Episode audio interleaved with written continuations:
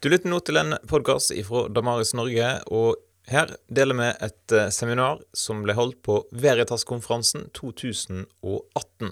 Ja, tusen takk for, uh, både for invitasjonen til, til, Veritas, og tusen takk til dere som uh, har kommet for å lytte til dette dystre, mørke, vanskelige tematikken. Det er, det er, det er, vi trør inn på et område her som ikke er spesielt oppbyggelig.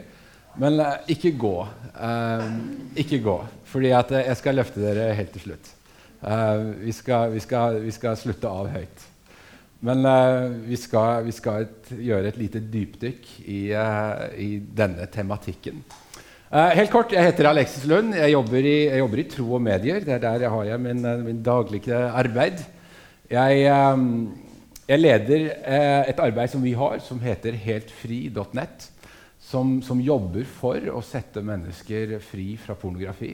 Um, jeg reiser veldig mye rundt. Jeg har gjort dette mange ganger. Og uh, de siste to årene så har dette vært på en måte det jeg har, det jeg, jeg, har jobba med. Jobbe med undervisning, utvikle ressurser uh, parallelt med det. Um, mye av tiden de siste to årene har gått mye med å lese forskning, relevant forskning, og rett og slett tilegne kunnskap om, uh, om denne, denne tematikken. Jeg er også styreleder i Gutt og jente, som, eh, som jo er et, eh, et veiledningssted om, om, kropp, pubertet og seksualitet og følelser for, uh, for unge mennesker fortrinnsvis, selv om vi får mye spørsmål fra voksne mennesker. Um, som òg er en del av denne tematikken, som òg gir meg en plattform som gjør at jeg har et, et solid miljø og et nettverk av, av mennesker og fagfolk som kommer med innspill og som kommer med vurderinger i forhold til hva leser vi av, av eh, forskning, og hva leser vi ikke av forskning, hva er relevant, hva er ikke relevant, osv. Så, videre. så jeg håper egentlig å kunne gi dere ganske gode argumenter for at faktisk pornografi er skadelig. Um, egentlig ut ifra uansett hva du tror. Men uh, vi kommer til å dra et kristent perspektiv inn i dette helt, uh, helt på slutten. Så ja.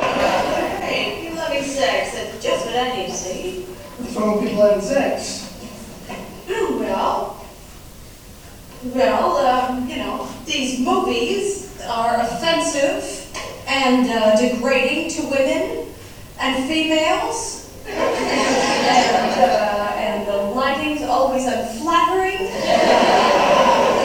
and,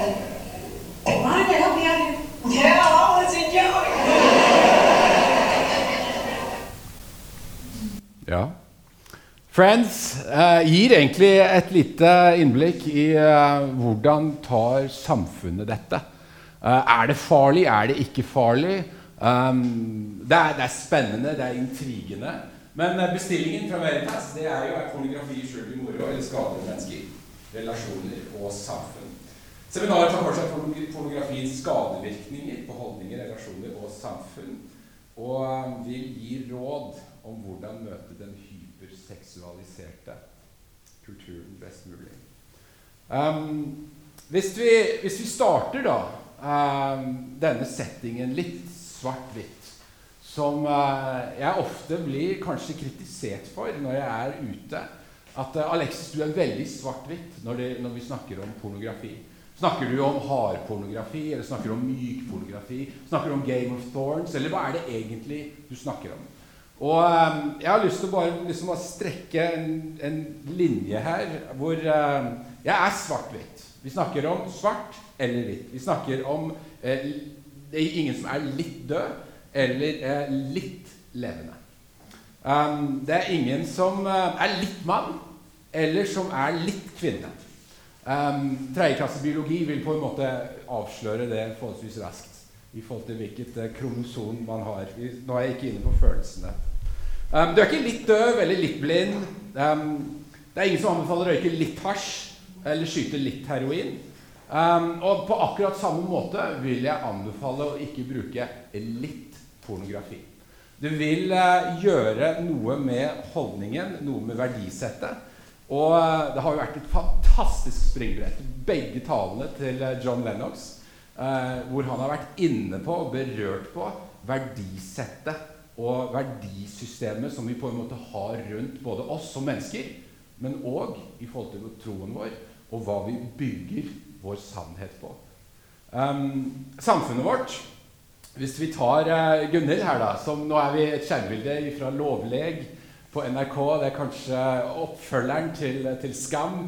Som, uh, som, sier her i en tekstmelding Vi går ikke inn i selve settingen. Jeg plukker det litt ut av sammenhengen. Hei, Ivar. Jeg har lyst til å finne noen jeg kan ha sex med uten at det trenger å bety noe om meg. Synes du er kul? Og tenkte bare jeg skulle spørre. Hva tenker du om det?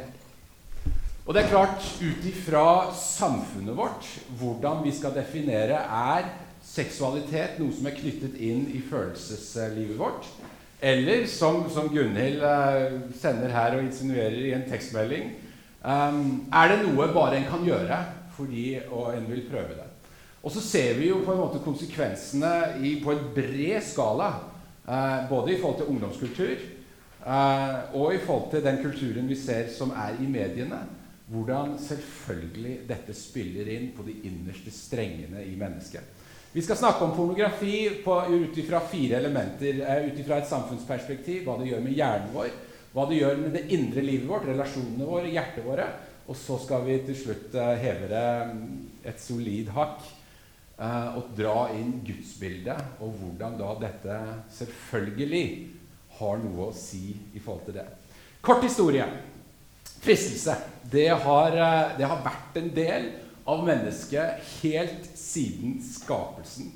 Og eh, vi finner fotspor av pornografi i de aller fleste sivilisasjoner. Helt ifra mennesker begynte å tegne på stein, så vil en finne eksplitte bilder og skildringer. Um, 1748 så kom en bok i England, den første helerotiske bok som ble publisert. Fanny Hill den ble selvfølgelig bannlyst og for under radaren veldig fort. Men den vekket jo en viss interesse, og burlesk eh, og striptease på slutten av 1800-tallet eksploderer.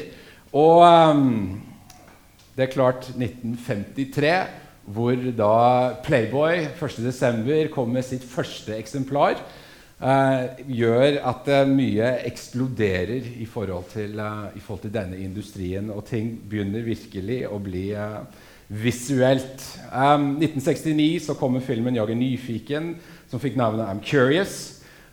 og så har vi, og 70-tallet eksploderer jo i en eksplosjon av den seksuelle revolusjonen. slutten av 60-tallet. Og produksjon av da, pornografi. 94, World Wide Web, um, hvor vi da ser tilgjengeligheten uh, og øker i en veldig, veldig stor grad. Hvis vi ser litt eh, i forhold til hvilket innhold vi har i dag Hvis vi tar denne, som er et skrinbilde fra en, uh, en, en forholdsvis stor pornografisk plattform som jeg ikke har gitt kilden til her Er det noen her som er 20 år? Der har vi et par som er 20 år. Ifølge denne, denne dette skjermbildet her, da, eh, fra statistikken på denne siden, så kan en da sitte fram til du er 88 år og se pornografi i ett hver eneste time hele døgnet. Det er litt av innholdet på denne ene websiden. Uh, ifølge Webrob så, så, er 34% av de som blir eksponert uh, for pornografi det skjer ufrivillig. 35% av nedlastninger fra nettet har et pornografisk innhold. Ca. 30% av det totale nettet vil inneholde pornografi. På denne ene siden ja, Vi snakker om svære tall her. Massive ting. Eh, på denne ene siden så ligger da svenskene på en 16.-plass. Vi ligger på en 26.-plass. Og danskene er på en 31.-plass. Vi snakker om en måling på 193 land i denne ene statistikken som vi har henta. Så vi snakker om massive krefter. Eh, enorme krefter som kanskje spiller på noe av det mest eh, sårbare i oss mennesker. La oss gjøre en veldig kjapp gjennomgang av hva dette gjør for samfunnet. Um, Barna.com, som, uh, som er brukt i det forrige seminaret jeg var på, er et stort, stort eh, organisasjon i USA som gjør undersøkelser og sammenligninger og kommer med statistikker. De kom Uh, med denne statistikken, 'Porn in the Digital Age', age new, new, Research, uh, i april 2016. Og la oss kjapt se på dette før vi går videre. Um, de har målt da, Her har vi da alders, alderssegmentet um, og kjønn. Og det er klart, Her ser dere litt i forhold til hva vi snakker om uh, når vi ser på bruk av pornografi. Det er forholdsvis høyt, det er forholdsvis lite snakket om, men uh, vi snakker om ganske høye tall og inn i de kristne miljøene. Og vi er veldig sammenlignbare med denne kulturen hvor denne studiet er gjort. Hvis vi ser litt andre ting som uh, i forhold til skyld, hvor én um, av fem ikke-troende um, vil kjenne på en skyldfølelse i forhold til bruk av pornografi, og én av tre vil da òg praktiserende kristne vil kjenne på en skyldfølelse. Altså Da er moralen et par hakk høyere hos den kristne, kristne delen, um, kan vi si, på én måte. Og det er klart, de, de, har gått videre i forhold til hva, hva er, eh, er det ille å bruke pornografi. Og her eh, er jo en annen ganske litt sånn artig spørsmål. Er det verre å bruke pornografi eller å ikke resirkulere um, avfall?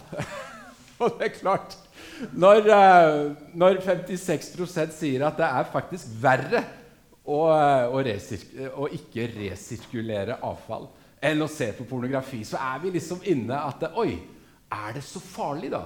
Og da er relevante, som uh, Veritas-konferansen på en måte har kommet med sin bestilling, er veldig relevant spørsmål i forhold til Hei, dette må vi prate om.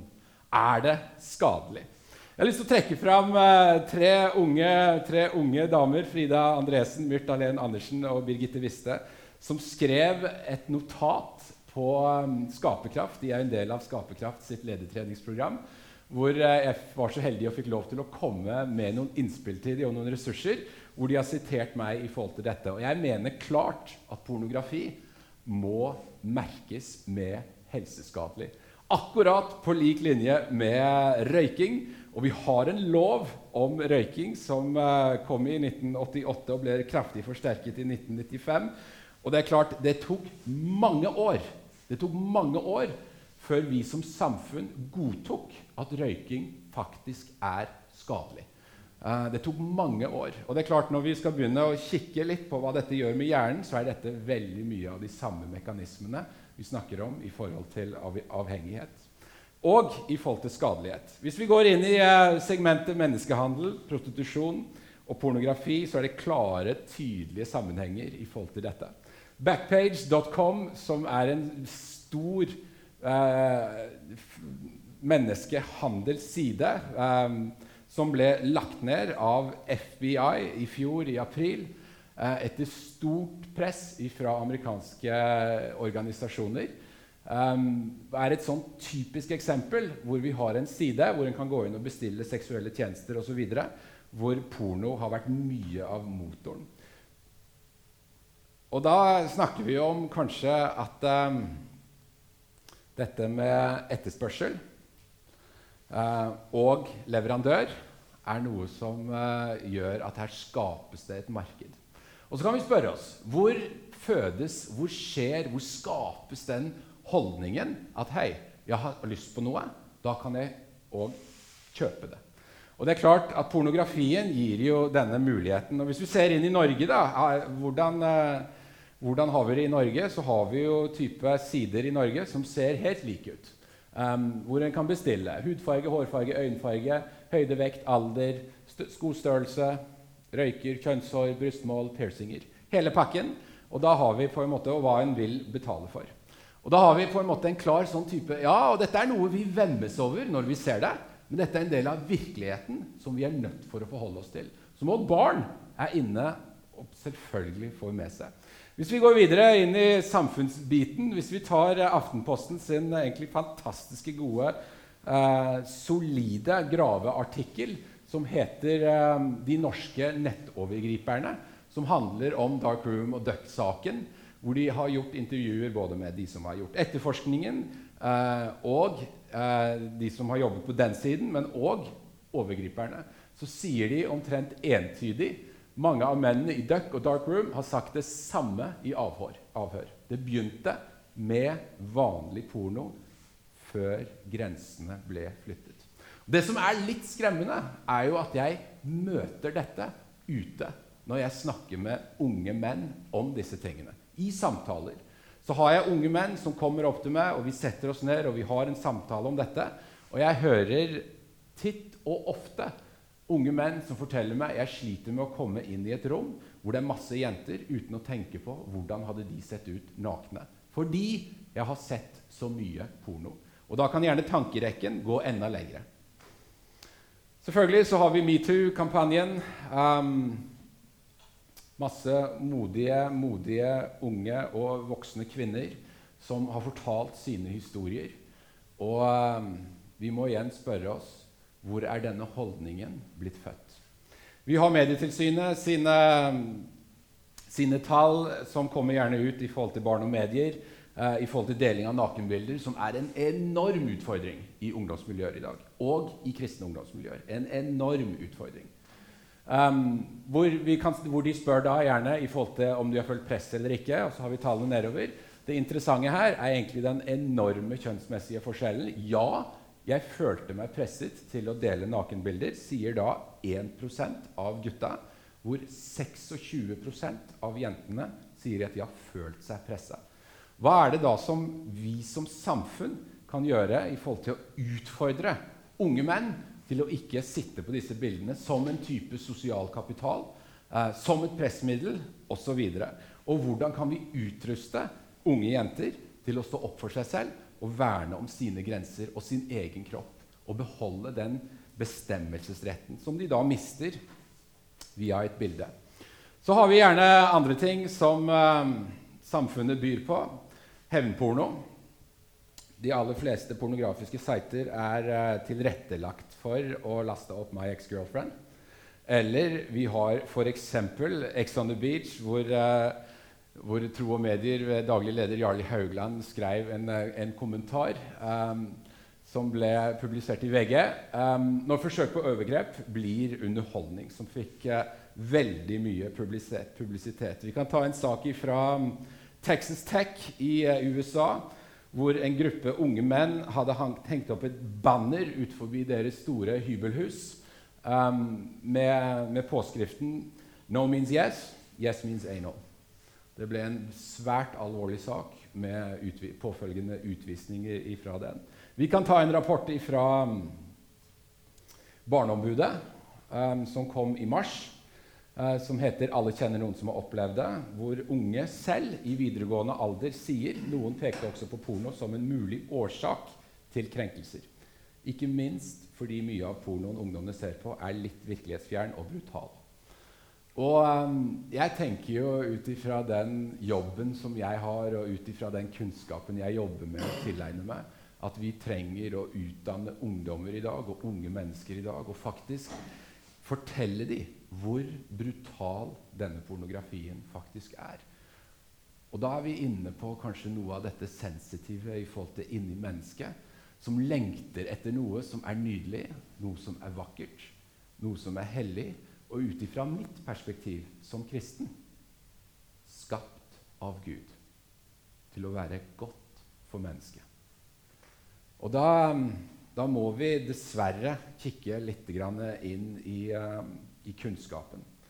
Um, hvor, uh, hvor, det gjøres studier. Um, Anna Bridge, um, University of Oklahoma, gjorde et stort studie hvor de tok 250 Dette er et meget brukt eksempel Uh, rundt i mange typer settinger som jobber i forhold til pornografi. De tok iallfall 250 um, av de mest selgende pornografiske filmene og gjorde en medieanalyse av disse. Um, de dro 300 scener ut av disse filmene og analyserte de. Hva inneholder dette? 88% av disse scenene inneholdt da vold mot kvinner. Slag, spark, spytting, kloring. I 95% av disse tilfellene så ville kvinnen um, da respondere enten A med nytelse eller ingen respons. I 10% av disse scenene så vil en kunne finne ting som en vil tenke er positivt, som komplimenter, som kjærtegn. Og da er vi på en måte i, i, et, uh, i et, segment hvor vi, uh, hvor vi tenker at uh, pornografi Og da snakker vi mainstream pornografi i dag. Det som er, det som tilbys, det som ligger på nettet, har elementer i seg som er svært destruktivt for mennesket. Og noe det vil være bred enighet om at det er svært destruktivt for mennesket. Men um, å våge å nærme seg og begynne å snakke om ja eller nei i forhold til dette, det krever ytterligere kunnskap. Det krever at vi som voksne tør å prate om disse tingene. At vi tør å konfrontere disse tingene. Og tør å være tydelige i forhold til eh, hvordan skal da unge mennesker lære om seksualitet? Hvordan skal unge mennesker lære om seksualitet? En tiårig uh, en tiårig grunnskole i dag vil du ha mellom syv og 12 timer seksualundervisning. Og eh, det er ikke mye å rope hurra for. Og hvis da resten skal hentes på nettet, eller det skal hentes um, ifra hjemmet, noe som det ikke gjør For jeg spør unge mennesker om dette. Har dere snakket om seksualitet hjemme? Og Da blir det veldig stille og det blir veldig kleint. Og vi har iallfall aldri snakket om pornografi. Uh, og det er klart, Da, da snakker vi om en, en, tikkende bombe her i forhold til læringsarena. Um, så hvis vi da ser på disse her ordene her, da, som overgrep, seksualisert vold, incest, tvang og smerte, så er det veldig veldig sammenlignbart med den mainstream pornografien som vi, eh, som vi på en måte har veldig lett tilgjengelig i forhold til, uh, i forhold til nettet. Og eh, det har det vært en endring på. Vi skal se litt på læring og litt på læringsmodell. Vi skal se en liten snutt til fra Friends, Song 4, episode 17.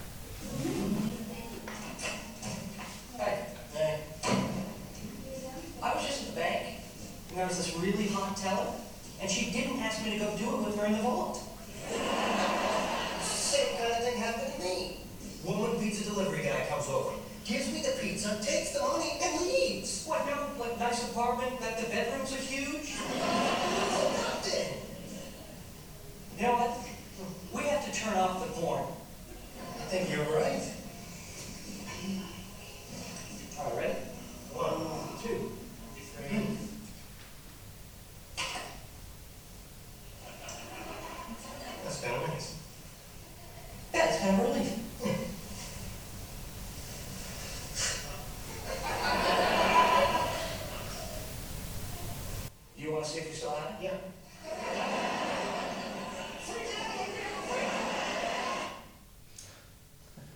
Den ble en uh, stor YouTube-hit. Uh, jeg husker ikke helt om YouTube var født når denne ble lansert, men uh, den, er, den har mange views på YouTube. Free porn. Hvordan lærer mennesket? Vi, vi, ser det jo her i forhold til hvordan mennesket lærer, og hvordan mennesket danner da tankemønstre som en på en måte blir skuffa over ikke skjer i det virkelige livet. Og er, de er ikke på jordet her i det hele tatt i forhold til, uh, i forhold til hva jeg møter ute i uh, Det er spissa, men uh, i forhold til hva jeg møter ute i ungdomskultur. I forhold til hvordan, hvordan skjer ting, hvordan har vi sex, hvor mange har man sex med, osv. Dette er, dette er type spørsmål som unge lurer på. Da må vi se litt på, vi må se litt på læring. Vi må se litt på hvordan, hvordan skjer det. Hvis vi tar C lære og iverksette. Da har vi dannet grunnlag for noe um, dr. Mary Ann Laden, som er en fascinerende dame som jeg traff i USA i vår, eh, vi, eh, som er eh, psykoterapeut. Da har vi dannet grunnlag for noe hun da definerer som et sexual script. Um, hun har jobbet et helt liv med dette, og jeg fikk ta et utrolig morsomt bilde med henne, eller av henne. They tried to bury us. Uh, but, they, but, what they don't know we were seeds. Um, og det er klart, dette er jo den type mennesker hvor jeg gjerne henter min uh, inspirasjon i forhold til å jobbe med dette. Mennesker som har jobba et helt liv med, um, med mennesker som uh, har opplevd avhengighet. Uh, og gjerne inn mot den voldelige siden av, av seksualitet. og som har skrevet lange, lange avhandlinger og gjort lange, lange studier. Um, så jeg vil oppfordre dere til å, til å, finne henne, lese noe av materialet hennes, om dette er noe som er interessant å tilegne seg mer kunnskap om. Hvis vi ser litt videre på en type læringsmodell eh, visuelt, repeterende og belønnende, da, da fester læring seg. Da lærer mennesket Eh, veldig bra. Og hvis vi gjør det på en måte mm, tilgjengelig, som vi jo har gjort eh, via telefonen, hvis vi gjør det anonymt, som vi òg har gjort, eh, og hvis vi gjør det gratis, så har vi selvfølgelig egentlig en optimal læringsarena. Og hvis vi da på en måte spoler tilbake til uh, denne kunnskapen som, uh, som vi har om pornografi Um, og vi kan hente masse ulike studier, masse ulike fra ulike plasser. Så begynner bildet egentlig å bli ganske skremmende. Vi kan gå inn, vi kan f.eks. ta denne her, da. Uh, Gary Wilson, som er en, uh, en fantastisk uh, person. Jeg traff han tidligere i vår. Han har skrevet en bok som heter Your Brain Porn. Dette er en, en ateist, så han har et helt klart sånn klinisk, klinisk approach til da denne her tematikken. Han har gjort masse studier. Meget god bok å, å, lese. En god bok å anbefale om hun ønsker å tilegne seg enda ytterligere mer kunnskap om uh, akkurat dette. Hvis vi går og kikker bitte lite grann inn i framtiden, så, så er ikke det særlig uh, oppmuntrende, det heller. Og uh, hvis vi da tar ting som, som VR-teknologi, Um, og vi tar dette som da kommer som en kule nå i forhold til kunstig intelligens. Så er det noe som vil òg bli koblet sammen. Altså det vil bli sømløst. Uh, vi har aktører som jobber desperat med å utvikle roboter, altså seks dukker, uh, som, som vil inneholde kunstig intelligens. Og Det er ikke så altfor lenge siden det ble beslaglagt eh, seks dokker på Svinesund. Og hvis vi spoler et par år tilbake eh, i forhold til den store russesangkatastrofen vi hadde i Norge, som gikk på i forhold til overgrep mot barn, så ble det uka etterpå beslaglagt seks dukker framstilt som barn på Svinesund. Så det er klart, hvor da disse grensene begynner å flyttes, hvor er det da denne her, denne her tanken om at eh, noe er bare greit, og noe er bare tull. Hvordan skjer det? Hvis vi spør ungdommer, da, hvis vi hopper tilbake igjen til uh, Barneombudet sin rapport, så sier unge selv at eh, det begynner med språkbruken. Mange barn eh, lærer gjerne ikke hva som er greit å si. Og det er klart, Hvis jeg setter meg ned og spiller med en tolvåring, om det er Clash of Clans eller om det er Fortnite eller hva det nå er, eller en setter seg ned gjerne og og ser uh, en, en, eller annen YouTuber som, som, henger på gjerne Fortnite eller, eller, Fifa eller hvilket som helst spill, så vil en finne språkbruk som helt klart står i dessverre eh, dessverre eh, en pornografisk tradisjon. Hvor overgrep, incest, tvang osv. vil være en del av pakken. Så um, ikke særlig oppmuntrende når vi på en måte ser i forhold til samfunnsbiten. Nå har jeg gått veldig fort fram, og vi skal kikke litt inn i, uh, inn i hjernen, som vi har kikket fram, og vi skal se litt på oss mennesker. Hvordan er vi laga? Hvordan er vi laga? For vi er sensitive skapninger. Uh, vi er sensitive skapninger. Vi er, vi er designa, vi er satt sammen for noe. Og det er klart, vi er jo satt sammen for uh, en hensikt. En stor hensikt Uh, som går utover som går utover bare å formere seg. Dette med, dette med seksualitet har alltid vært en stor, eh, en stor greie for mennesker. Og ut ifra mitt ståsted så, så hører jo på en måte denne rammen, dette rammeverket som da Gud har laga og forma, som heter da ekteskapet. Det er jo der dette rammeverket eh, som skal bære denne seksualiteten. Men eh, det gjør jo noe med mennesket da, i forhold til eh, stor bruk av pornografi. Um, og hvis vi kikker litt på, på noen, noen for, kort, korte elementer her Pornografi. Um, en bruker porno. Fører til skam. Skam er um, ifølge Finn Skårderud, som er en av våre fremste psykiatere, det er en opplevelse av egen uh, uverdighet. Det fører til anonymitet, um, som fort fører til ensomhet, og som fort fører til en forventning om avvisning. Uh, jeg er ekkel. Jeg sliter med noe. Det er ingen andre som har det sånn som meg. Det er, det er en typisk respons. Um, det er en typisk respons på en som virkelig tør å begynne å prate om dette. Um, og da er jo på en måte den menneskelige hjernen da, gjerne skrudd sammen at jeg vil fikse det. Jeg vil ordne det. Og hva var det som ga meg en rask, god følelse til å starte med? Da hopper en gjerne rett opp igjen. Um, og det er porno. Og det blir av mange betegnet som en skammens sirkel. Og um, jeg treffer jo veldig mange som er fanget i denne skammens sirkel, og som, som, forteller meg at jeg har prøvd å slutte 100 ganger, 300 ganger. Dette var siste gang jeg så på porno. Og så skjer det en eller annen omstendighet i livet, det er en eller annen følelse, det er et eller annet punkt, en eller annen setting som gjør at det, Å, nå detter jeg tilbake i den samme dritten igjen. Og så kommer denne skammen inn på ny. Um, og det er jo her vi på en måte har um, de fantastiske mulighetene vi har som troende mennesker.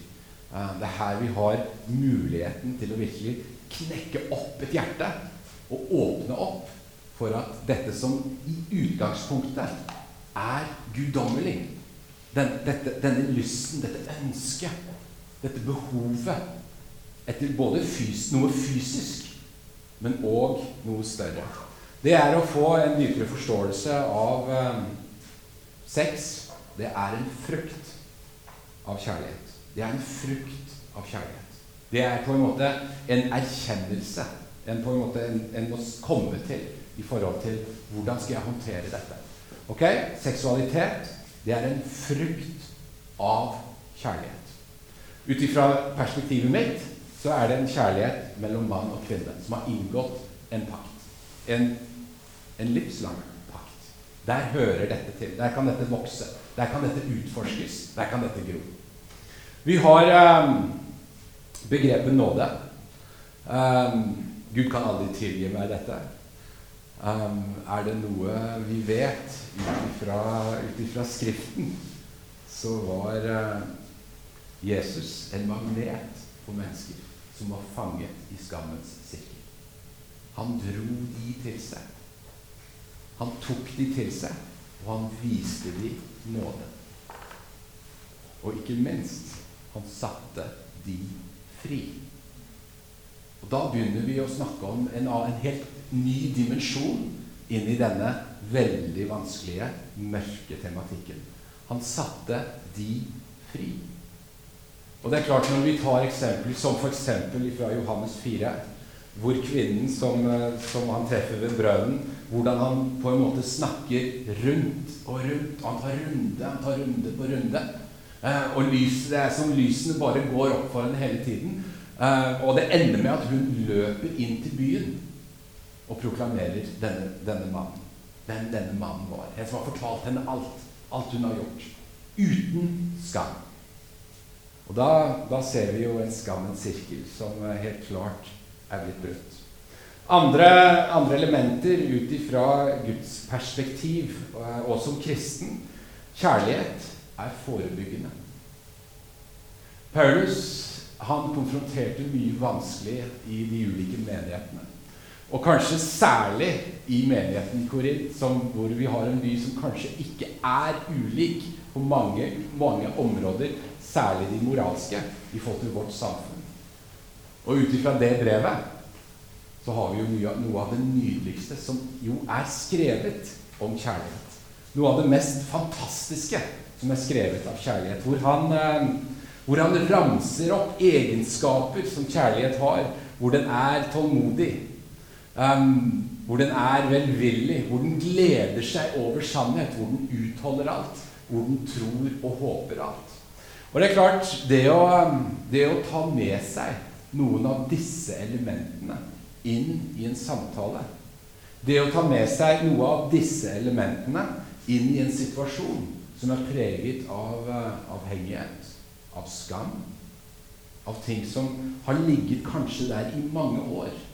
Og det er klart, en går gjerne inn i områder som eh, hvor en, eh, hvor en treffer mennesker, og jeg snakker med menn på min alder, voksne menn, som sier til meg at jeg skulle jo virkelig ønske jeg skulle jo virkelig ønske at noen hadde fortalt meg hva jeg begynte å lefle med når jeg var 12-13 år gammel. Um, hvor alvorlig det var, og hvordan det da vil bli et hemskog i forhold til relasjoner og gudsbildet og hele pakken rundt livet. Um, det å ta med ord som um, at kjærlighet, den er tålmodig. Den er tålmodig, og jeg har fulgt uh, jeg, har vært så privilegert å få følge noen unge menn gjennom ulike prosesser på, som gjelder akkurat dette.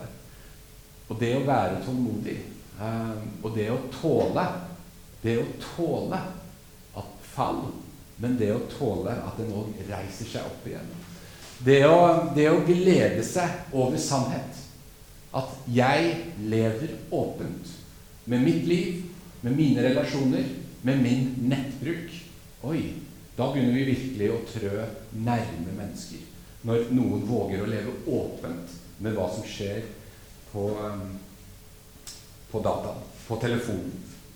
Når, um, når en igjen da kan poengtere at kjærlighet, den tror og håper alt. Og Hvis vi ser litt i forhold til hvordan, uh, hva Gud tenker om oss mennesker. Um, og hva som står i Salme 34,6, hvor, um, hvor salmisten skriver de så opp til ham og strålte av glede, og deres ansikt rødmet aldri av skam. Da har, vi, uh, da har vi noen elementer med oss inn i en sånn type samtale. Hvor en uh, kan type gi kunnskap. Hva gjør dette med mennesket? Uh, hvordan påvirker det samfunnet? Hvordan påvirker det læringen? Men hvordan en kan løfte det opp til, til, dette. Og det er klart, det at mennesket eh, ikke skammet seg i uh, da første Mosebok, i da skapelseshistorien, eh, hvor det står i første Mosebok de var nakne, og de skammet seg ikke. Det betyr jo kanskje ikke bare at de var fysisk nakne, men at de var åpne. De levde i sannhet. De levde og, som i det de var designet for. I en åpen, nær relasjon med Gud. Hvor da disse elementene, som har med fall å gjøre, som har med fristelse å gjøre, som har med begjær å gjøre, ikke kom imellom denne Guds relasjon. Og det er kanskje nettopp der jeg mener um, og erfarer og tror at vi som kristne trenger å være med og bidra og istandsette hverandre, men òg den kommende generasjonen i forhold til hvordan håndtere dette som skjer på nettet. Hvordan håndtere Ex on Beach. Hvordan håndtere Instagram. Hvordan håndtere disse pop-upene som kanskje kommer. Og ikke falle i fristelse. Og falle inn i da denne skammens sirkel. For det er jo ikke sånn da at, uh, at vi kristne er kjipe når det gjelder seksualitet. Uh, for det blir vi kanskje beskyldt for. Og så tar jeg fram liksom konfirmantgreia uh, som alle syntes var kjempespennende når de var 14 år. Men det å skrive noe så vakkert som dette om en relasjon mellom en mann og en kvinne som faktisk reflekterer Guds hensikt med oss mennesker. Det er det dette gjør. Bibelen starter med en mann og en kvinne. Og den slutter av med en brud og en brudgom. Så vi rører borti noen sentrale ting her. Altså Vi er borti noen helt sentrale ting i evangeliet. Og det å holde på en måte linjene klare her Jo, vi lever i verden. Det vil være fristelser. Vi må ta valg. Vi må ta beslutninger. Og det å stå i disse beslutningene, men allikevel vite at Oi, dette nydelige, dette vakre, dette pulserende, som jo er beskrevet her. I hinsides vakre ord i forhold til um, to mennesker som elsker hverandre. Og da kommer det jo veldig klart fram da, at vi er ånd. Vi er sjel, og vi er legeme. Vi er ånd, vi er sjel, vi er legeme. Og vi må ivareta disse tre elementene. Vi må ivareta disse tre elementene. Og jeg, jeg, når jeg kommer i dialog med mennesker om dette, så er dette noe av kanskje det viktigste å få en forståelse av. Å få en, uh, få en tvangsmessig, disiplinmessig avvenning av pornografi som kanskje har skapt enorm avhengighet pga. dette enorme rushet og denne enorme læringsarenaen som det jo er, som på en måte låser atferd. For det er klart, hvis atferd belønnes med orgasme, som det jo er knyttet inn mot pornografien, så er det en sterk belønner.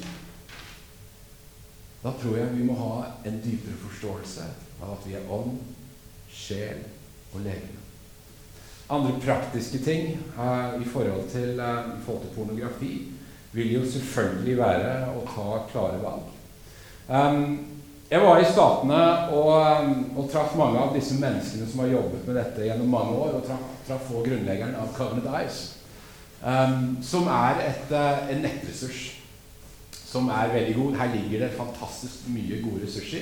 Men her ligger det òg et filter og et ansvarlighetsprogram. Det, er en VPA, altså en virtuell tunnel, en installerer på en enhet hvor en kan koble den opp til en ekstern e-post som gjør at den lever i full åpenhet. Det er radikale ting. Um, jeg står i et ansvarlighetsforhold til unge menn som har gjort dette som sier at 'jeg har tatt et valg. Jeg ønsker, jeg ønsker å slutte å bruke pornografi'.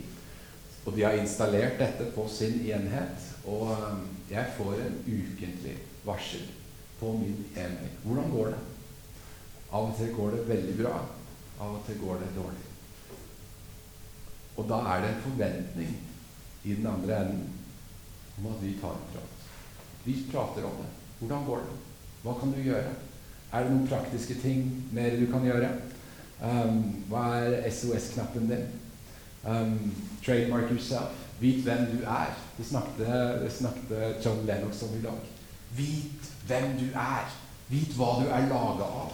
Hvordan kan den styrken, hvordan kan den identiteten bygges enda mer i forhold til å stå i disse valgene og stå i disse fristelsene? Um, si stopp. Uh, finn en medvandrer. Det trenger ikke være bare en virtuell medvandrer.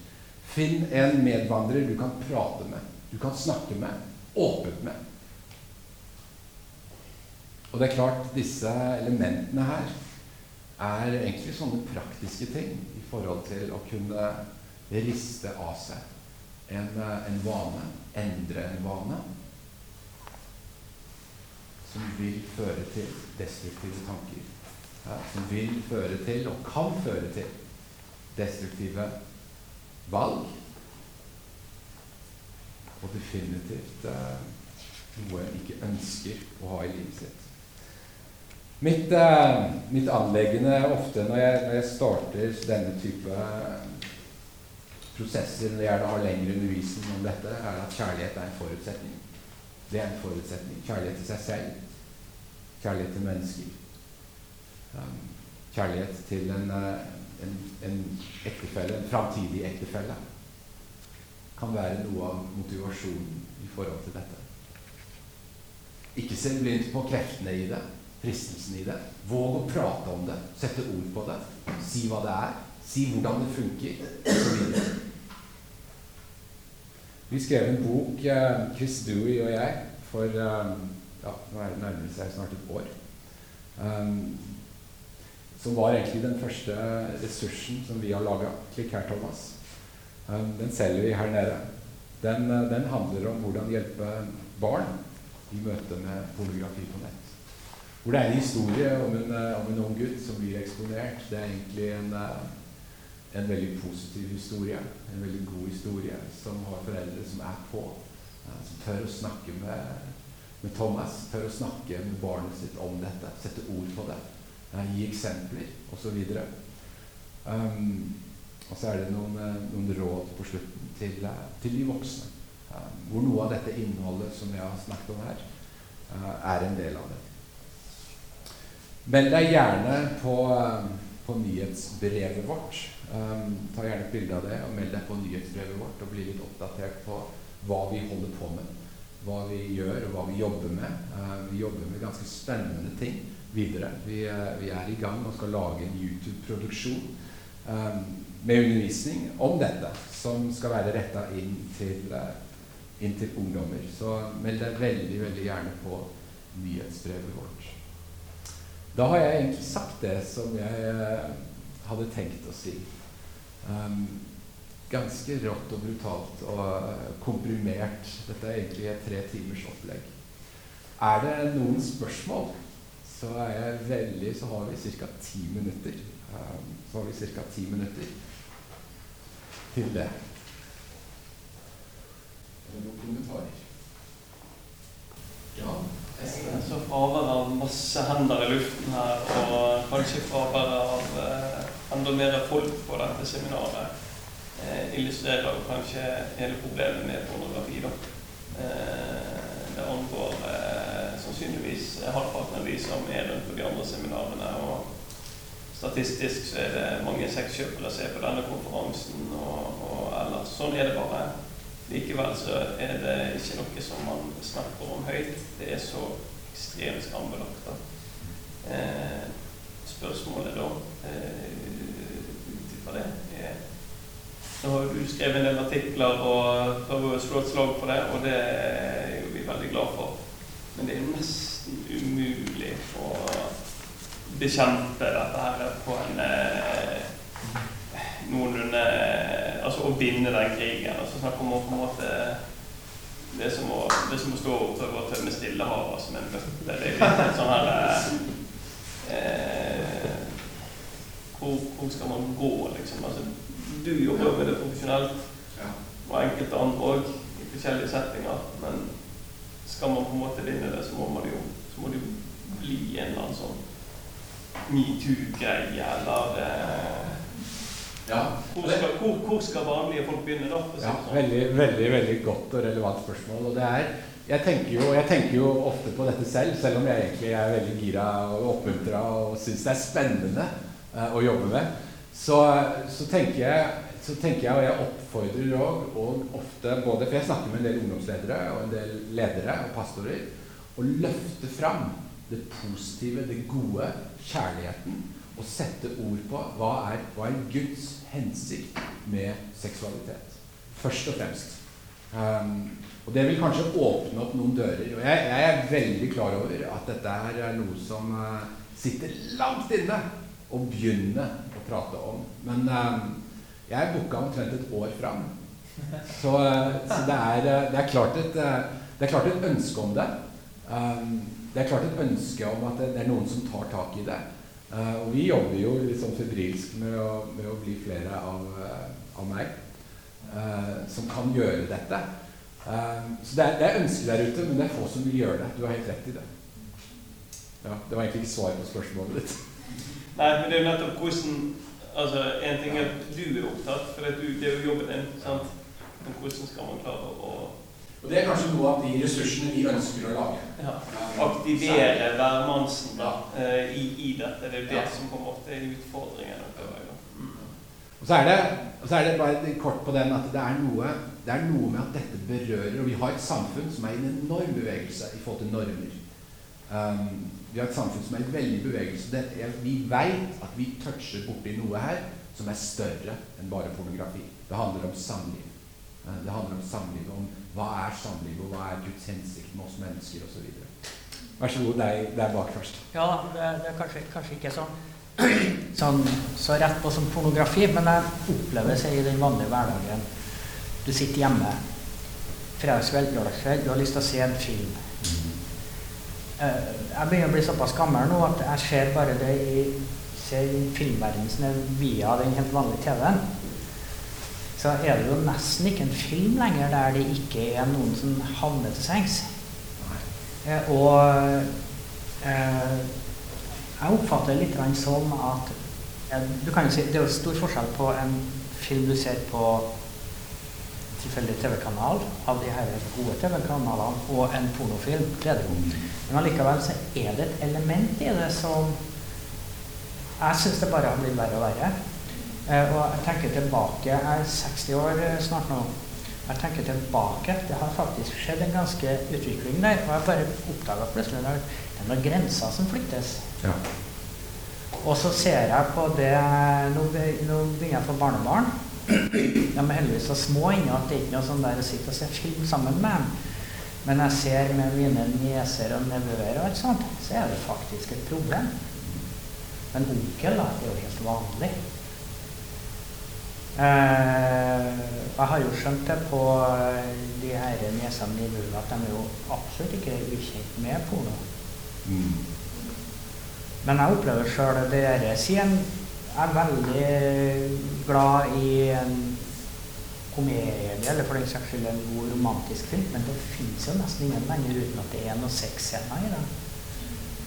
Det er dønn irriterende. For det, det ødelegger jo egentlig hele filmen. Ja. Nei, vi, vi, har en, vi, har en, stor jobb å gjøre i forhold til å, å løfte, kan, løfte fram dette som har med seksualitet å gjøre, og særlig som kristne. Eh, særlig som kristne. For vi, det sitter langt inne å snakke om det. Eh, bare, bare innenfor liksom, rammene som, som, Gud har gitt, eh, så sitter det langt inne å snakke om det. Og det er klart dette Vi har en jobb å gjøre, men vi kan ikke på en måte Jeg mener jo at vi kan ikke lene oss tilbake. Vi har ansvar overfor våre egne barn.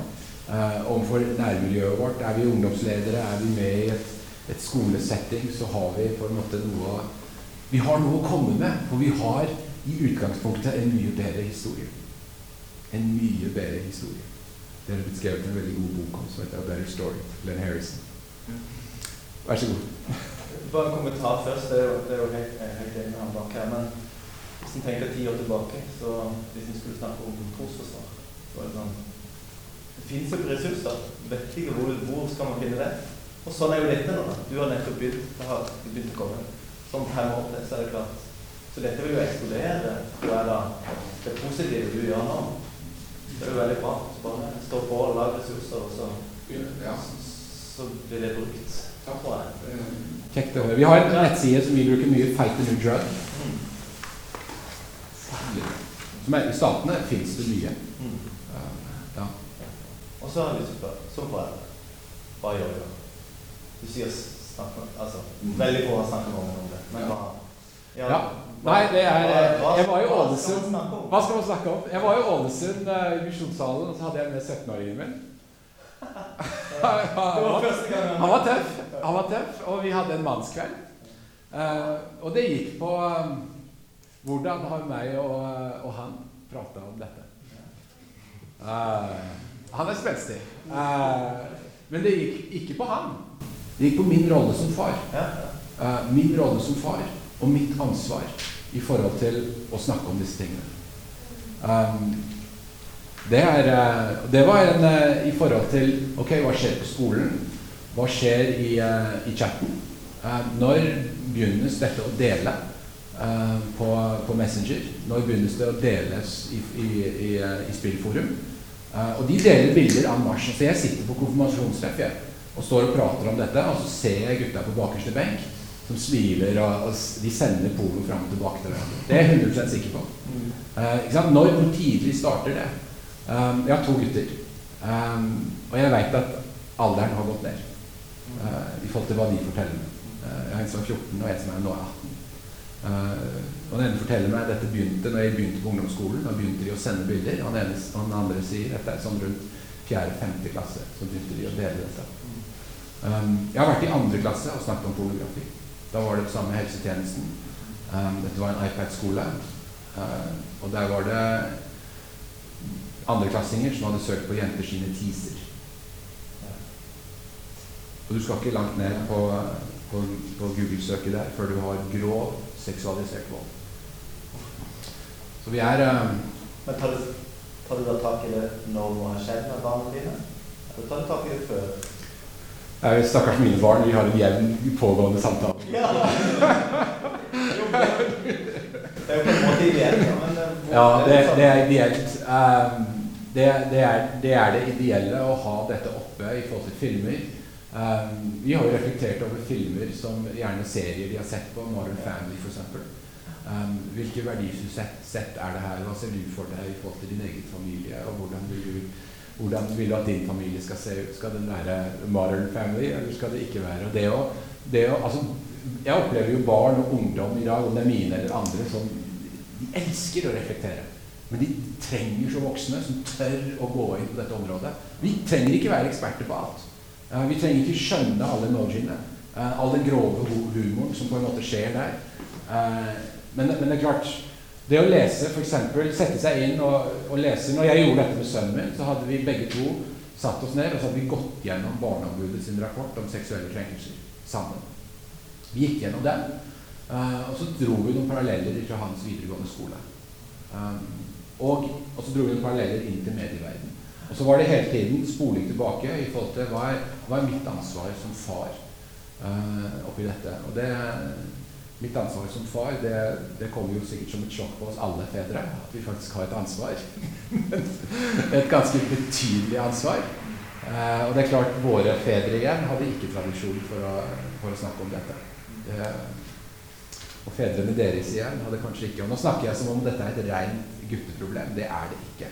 Det, det kommer stadig mer nye statistikker på dette. Nå kommer EU Online Kids med en ny rapport slutten av denne måneden som blir veldig spennende, som også måler jenters bruk i forhold til dette. Vi er i gang med to unge kvinner som skal holde disse typer seminarer som skal være spissa inn mot eh, jenter.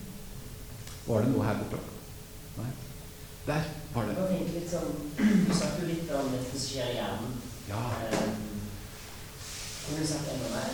Og jeg kunne sikkert sagt mye mer. Eh, hjernen er jo nevroplastisk. Altså den, den, den former seg. Eh, det dannes nye tankemønstre. Og dopamin, eh, altså dopamin, belønningshormonet, er kanskje det hormonet som, som virkelig setter fart på de nye tankebanene. Eh, og det, er, og det at hjernen på en måte stadig endrer seg og lager seg nye gangveier og nye Og det er jo litt det jeg var inne på i forhold til i forhold til mennesker jeg snakker med som sier at jeg klarer nesten ikke å ha en samtale med, tre jenter samtidig uten å tenke på hvordan ser de ut nakne, eller hvordan hadde det vært å ha sex med dem. Uh, og da er, det en, er det en tankebane. altså en, en, en, Det er dette som de da kaller for nevroplastikk. Som egentlig er ganske ny, ny type kunnskap, som, eh, som er veldig spennende. Hvis du søker opp det ordet, Uh, så vil du finne ganske mye spennende på YouTube om akkurat det. Um, Fight the New Drug er kanskje det nettstedet, og han Gary Wilson er kanskje den forskeren som også har sagt mest med dette. Og han trekker jo parallellene inn mot fysiske årsaker. Han har gjort studier i det amerikanske forsvaret, som da går på uh, erectile uh, dysfunction, altså impotens uh, hos menn. At de, de tenner rett og slett ikke på, på kona si eller, eller på å ha sex. Og da, begynner, da, altså, da våkner menn eh, når vi begynner å snakke om, eh, om det. Da, da, da er alvoret Da alvoret Da slår alvoret inn. Og jeg har møtt dette ute i felten. Det har jeg møtt. Altså Den problemstillingen har jeg møtt ute i felten. Så det er, eh, det er helt reelt. Det har gjort studier på inn i Forsvaret. Amerikanske. Ja. oppfølgingsspørsmål til det. For det, det er jo litt det er interessant på en måte fra en sånn forperspektiv. Hva er det som det har den typen effekter av pornografi på? Hvordan skiller det seg fra det å ha sex og den seksuelle fantasia og det som ikke går på det rent visuelle, men f.eks. hvis du tar erotiske noveller, så skjer det du sammenligner dem med flere ting, hvordan det du noen kommentar? Ja, jeg, jeg tror jo det har noe med dette visuelle. Eh, jeg tror det har noe med det visuelle, at den på en måte kommer til et stadie umiddelbart. Eh, for ofte så er, altså En hopper rett over alle, alle, alle tingene. Eh, forspill, relasjon. En slipper å forholde seg til, eh, til et annet menneske. En går rett på, på en måte målet. Og vi er ikke laga for det. Vi er ikke designa for det. Uh, altså Jeg tenker jo at Gud har laga oss på en annen måte. Når jeg tar opp høysangen her, så tenker jeg at der ligger noe av hemmeligheten. Oi, oi, oi. Så nydelig. Det er liksom Wow! Så nydelig. Og på en måte noe så beskrivende. Det er, jo, det er jo veldig erotisk forklart. Erotisk skrevet. Men det er hellig. Og det er det jeg tenker, det er der jeg kommer fra. Det er det vi er laga for. Jeg vet ikke om jeg helt svarte på spørsmålet ditt. Så, så det er noe bak der. Ja, sykt, sykt bra. Eh, ja til flere jenter på måte. Eller sånn i eh, undervisningen. Som er litt sånn neste. Og så tenkte jeg litt på Game of Thrones. Hva du tenker om den serien. Eh, ja, det er et godt spørsmål. Eh, jeg ser ikke på Game of Thrones. Per min definisjon eh, så har de full frontal eh, nudity. Eh, og tenker at det er noe jeg ikke, ikke, ikke vil se. Jeg lever i full åpenhet med min kjære kone Elisabeth. og tenker at jeg ville aldri sittet og sett på Game of Thrones. Og så på en måte et eller annet der som hadde skurra. Så nei takk til Game of Thrones. Det er min personlige vurdering. Eh, men jeg veit at her, her Og det er klart serien Hadde jeg gått inn i den Barna-rapporten, så ville den kunne gått inn, og det kan du finne på nettet, barna.com, og så bare skriver du pornografi. Så vil en finne litt sånn definisjoner. Hva definerer vi som pornografi? Hva er definisjonen? Um, og kanskje det har noe med, med mennesket. Uh, mann med, med kvinner, med menn. Altså vi er ulike. Uh, alle disse tingene her vil, uh, vil spille inn. Så det er et spennende spørsmål. Men jeg har fått det spørsmålet før i forhold til Game of Thrones. Eh, Simon først her, ja. Var det der? Nei, det var ikke det. Det var Det var en replikk- til han som liker romantiske komedier og, og sånt. Og til budskap om Game of Thrones. Og ja, det er mye drit på film og sånt, men eh, jeg holder på å skrive en filmanalyse nå av Rambo 4. Jeg garanterer han er helt drit for porno. Det er alle, eh, det er alle Rambo-filmene. Så jeg bare anbefaler på det sterkeste Rambo 1 Eh, Rambo 5 holder de på å spille inn nå. Den kommer på kino. Det er ikke så lenge siden jeg så Rambo. Kan, kan vi bare lukke denne nå? Um, jeg, jeg, lukker den, um, jeg lukker den sånn.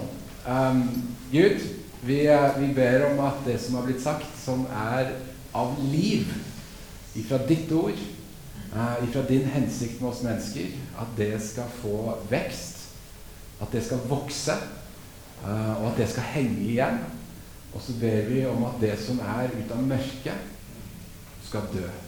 Det skal ligge og ikke vokse. Vi ber om det i Jesu navn. Amen.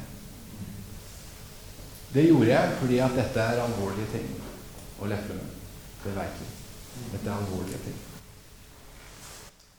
Tusen takk.